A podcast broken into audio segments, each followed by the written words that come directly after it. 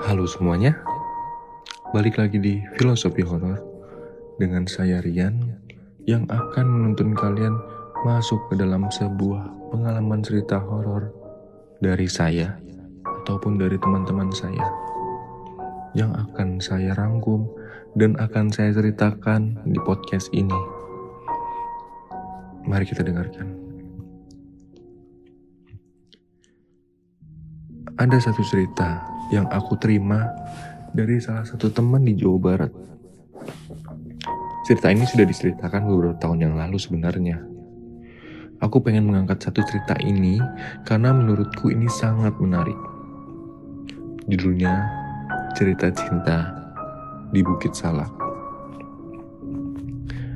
Kita sebut saja namanya Zaki yang memiliki pacar bernama Ratna.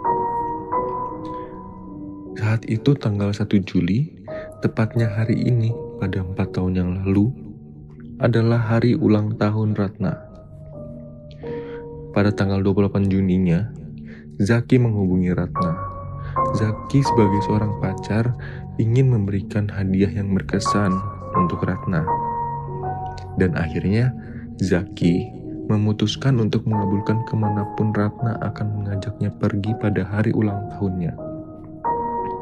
Namun pada hari itu, Ratna pun masih belum tahu dia akan pergi ke mana dengan Zaki. Singkat cerita tibalah pada tanggal 1 Juli yang saat itu mereka telah janjian untuk bertemu. Aneh, pikir Zaki. Biasanya Zaki yang akan menjemput Ratna di rumahnya. Ratna mengatakan bahwa dia yang akan menetapkan perjalanan setelah Ratna tiba di rumah Zaki. Ketika tiba, mereka berbincang sedikit mengenai ke mana mereka akan menghabiskan waktu berdua. Lanjut, dan ini adalah saat di mana Zaki menunggu yang pada saat itu pukul 3 sore. Zaki masih menunggu Ratna datang dan sekitar setengah jam kemudian Ratna pun tiba. Sedikit aneh pada saat itu. Ratna yang biasanya datang masuk untuk salam menyapa ibu, menolak untuk masuk dan tidak ingin bertemu ibunya. Pada saat itu juga, dengan tiba-tiba, Ratna langsung mengajak Zaki untuk jalan mendaki gunung, yaitu Gunung Salak. Zaki terkejut karena mendaki gunung tidak terbesit olehnya dengan Ratna yang hadir hanya membawa baju yang ia pakai dan dompet di kantongnya, terus tiba-tiba mengajak untuk mendaki gunung. Zaki sempat menolak ajakan Ratna, tapi Ratna masih berkuku ingin pergi mendaki ke Gunung Salak dan akhirnya Zaki pun setuju untuk pergi ke sana. Zaki yang pada hari itu, pada saat itu juga mempersiapkan semua peralatan mendaki seadanya dia tidak akan mengecewakan Ratna dengan permintaan itu. Setelah semua siap, mereka melakukan perjalanan menuju Gunung Salak melalui rute barat. Yang ketika sampai nanti, Zaki juga berencana untuk membuat tenda di atas bersama Ratna sambil menunggu sunrise tiba. Tiba di tujuan pukul 5 sore. Zaki dan Ratna datang ke pos pertama untuk membeli tiket. Zaki membeli dua tiket kepada penjaga. Penjaga sempat mengatakan tidak ada pendaki lain yang di atas karena hari ini cuaca sedang dingin. Jadi, para pendaki biasa pun tidak berani untuk mendaki hari ini. Tapi Zaki menyangkal bahwa penjaga tiket karena Zaki merasa dirinya adalah seorang yang handal untuk merasa untuk masalah mendaki. Seperti itu, lanjut di mana ia memulai rute melalui barat. Rute barat dia naiki dan Ratna pun tiba-tiba mengajak Zaki untuk membuat trek atau jalan sendiri biar bisa eksplor keindahan alam katanya. Zaki pun menyetujui dan melanjutkan pendakiannya. Selama perjalanan semuanya berjalan aman sampai mentari terbenam dan terbitlah cahaya bulan. Ternyata benar, cuaca memang sangat dingin. Ratna pun mulai kedinginan dan Zaki memutuskan untuk membuat camp dan api unggun di titik pemberhentian saat ini telah selama satu jam berjalan dari kaki gunung. Suhu tubuh Ratna pun bisa dibilang mulai sangat dingin, karena memang tidak ada persiapan apa-apa untuk dibawa mendaki tidak membawa mantel dan hanya bermodalkan baju tipisnya. Saat itu Zaki yang memakai mantel melepas mantelnya untuk Ratna, namun Ratna masih tetap kedinginan. Sampai kurang lebih satu jam berada di camp itu, kondisi Ratna kian memburuk. Zaki mencoba menggendong Ratna kembali ke bawah, tetapi ia tidak sanggup Zaki mencoba merakit tandu darurat dengan pelepah pisang dan berusaha menggeretnya. Baju yang ia kenakan pun kini ia lepas untuk menghangatkan tubuh Ratna. Ratna masih terus memburuk. Ia mencari tanaman obat yang bisa menghangatkan tubuh Ratna dan membuat ramuan itu kepada Ratna berharap kondisi Ratna akan membaik. Zaki tapi tetap berusaha membawa Ratna turun dan saat ini malah kondisi Zaki yang mulai drop dan ia merasa tidak sanggup untuk menggeret Ratna hingga ke bawah. Zaki mengatakan untuk meninggalkan Ratna sebentar dan memutuskan untuk berlari ke bawah agar meminta bantuan. Tangan Ratna yang dingin menggenggam tangan Zaki. Ia berkata untuk tidak meninggalkannya sendiri, ia takut, katanya. Tetapi Zaki membantah, dan ini keputusan terakhir untuk menyelamatkan Ratna. Berlari sangat kuat dan laju dari atas gunung tanpa baju dan hanya menggunakan celana. Membayangkannya saja, sudah terasa sangat dingin ya. Sampai tibanya di bawah, di pos pertama yang ia kunjungi untuk membeli tiket tadi, ia meminta bantuan kepada bapak penjaga tiket yang tadi. Lalu, bapak penjaga tiket malah bingung. Tetapi dia menuruti permintaan Zaki. Bapak penjaga tiket pun memberikan selembar baju dan jaket kepada Zaki untuk dikenakan terlebih dahulu. Kembali ke atas tepat di mana ia meninggalkan Ratna sendirian tadi. Zaki tiba bersama bapak penjaga tiket.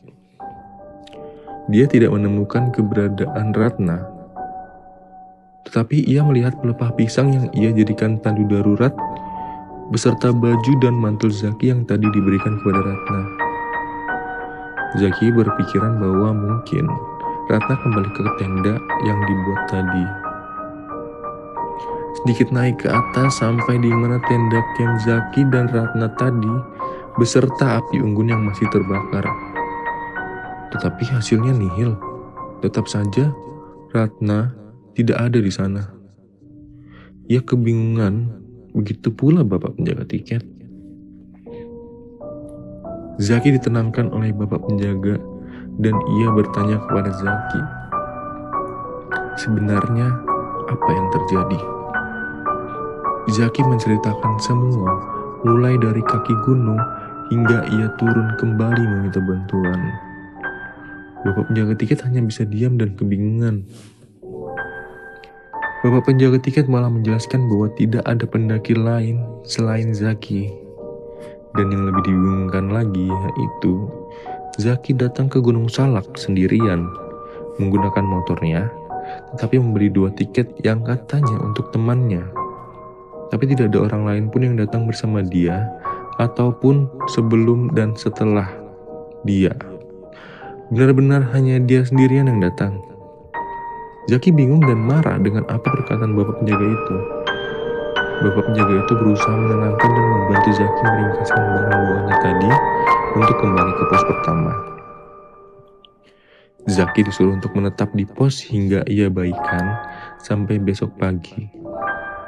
Karena kalau malam dipaksa untuk jalan pulang, Rute yang dilalui akan terasa sangat susah dan medannya akan sangat hancur untuk dipaksa melalui motor dan keadaannya pun sangat gelap untuk kembali ke kota. Zaki menuruti dan sayangnya, HP yang ia bawa kini tidak memiliki sinyal sama sekali untuk menghubungi Ratna ataupun keluarganya.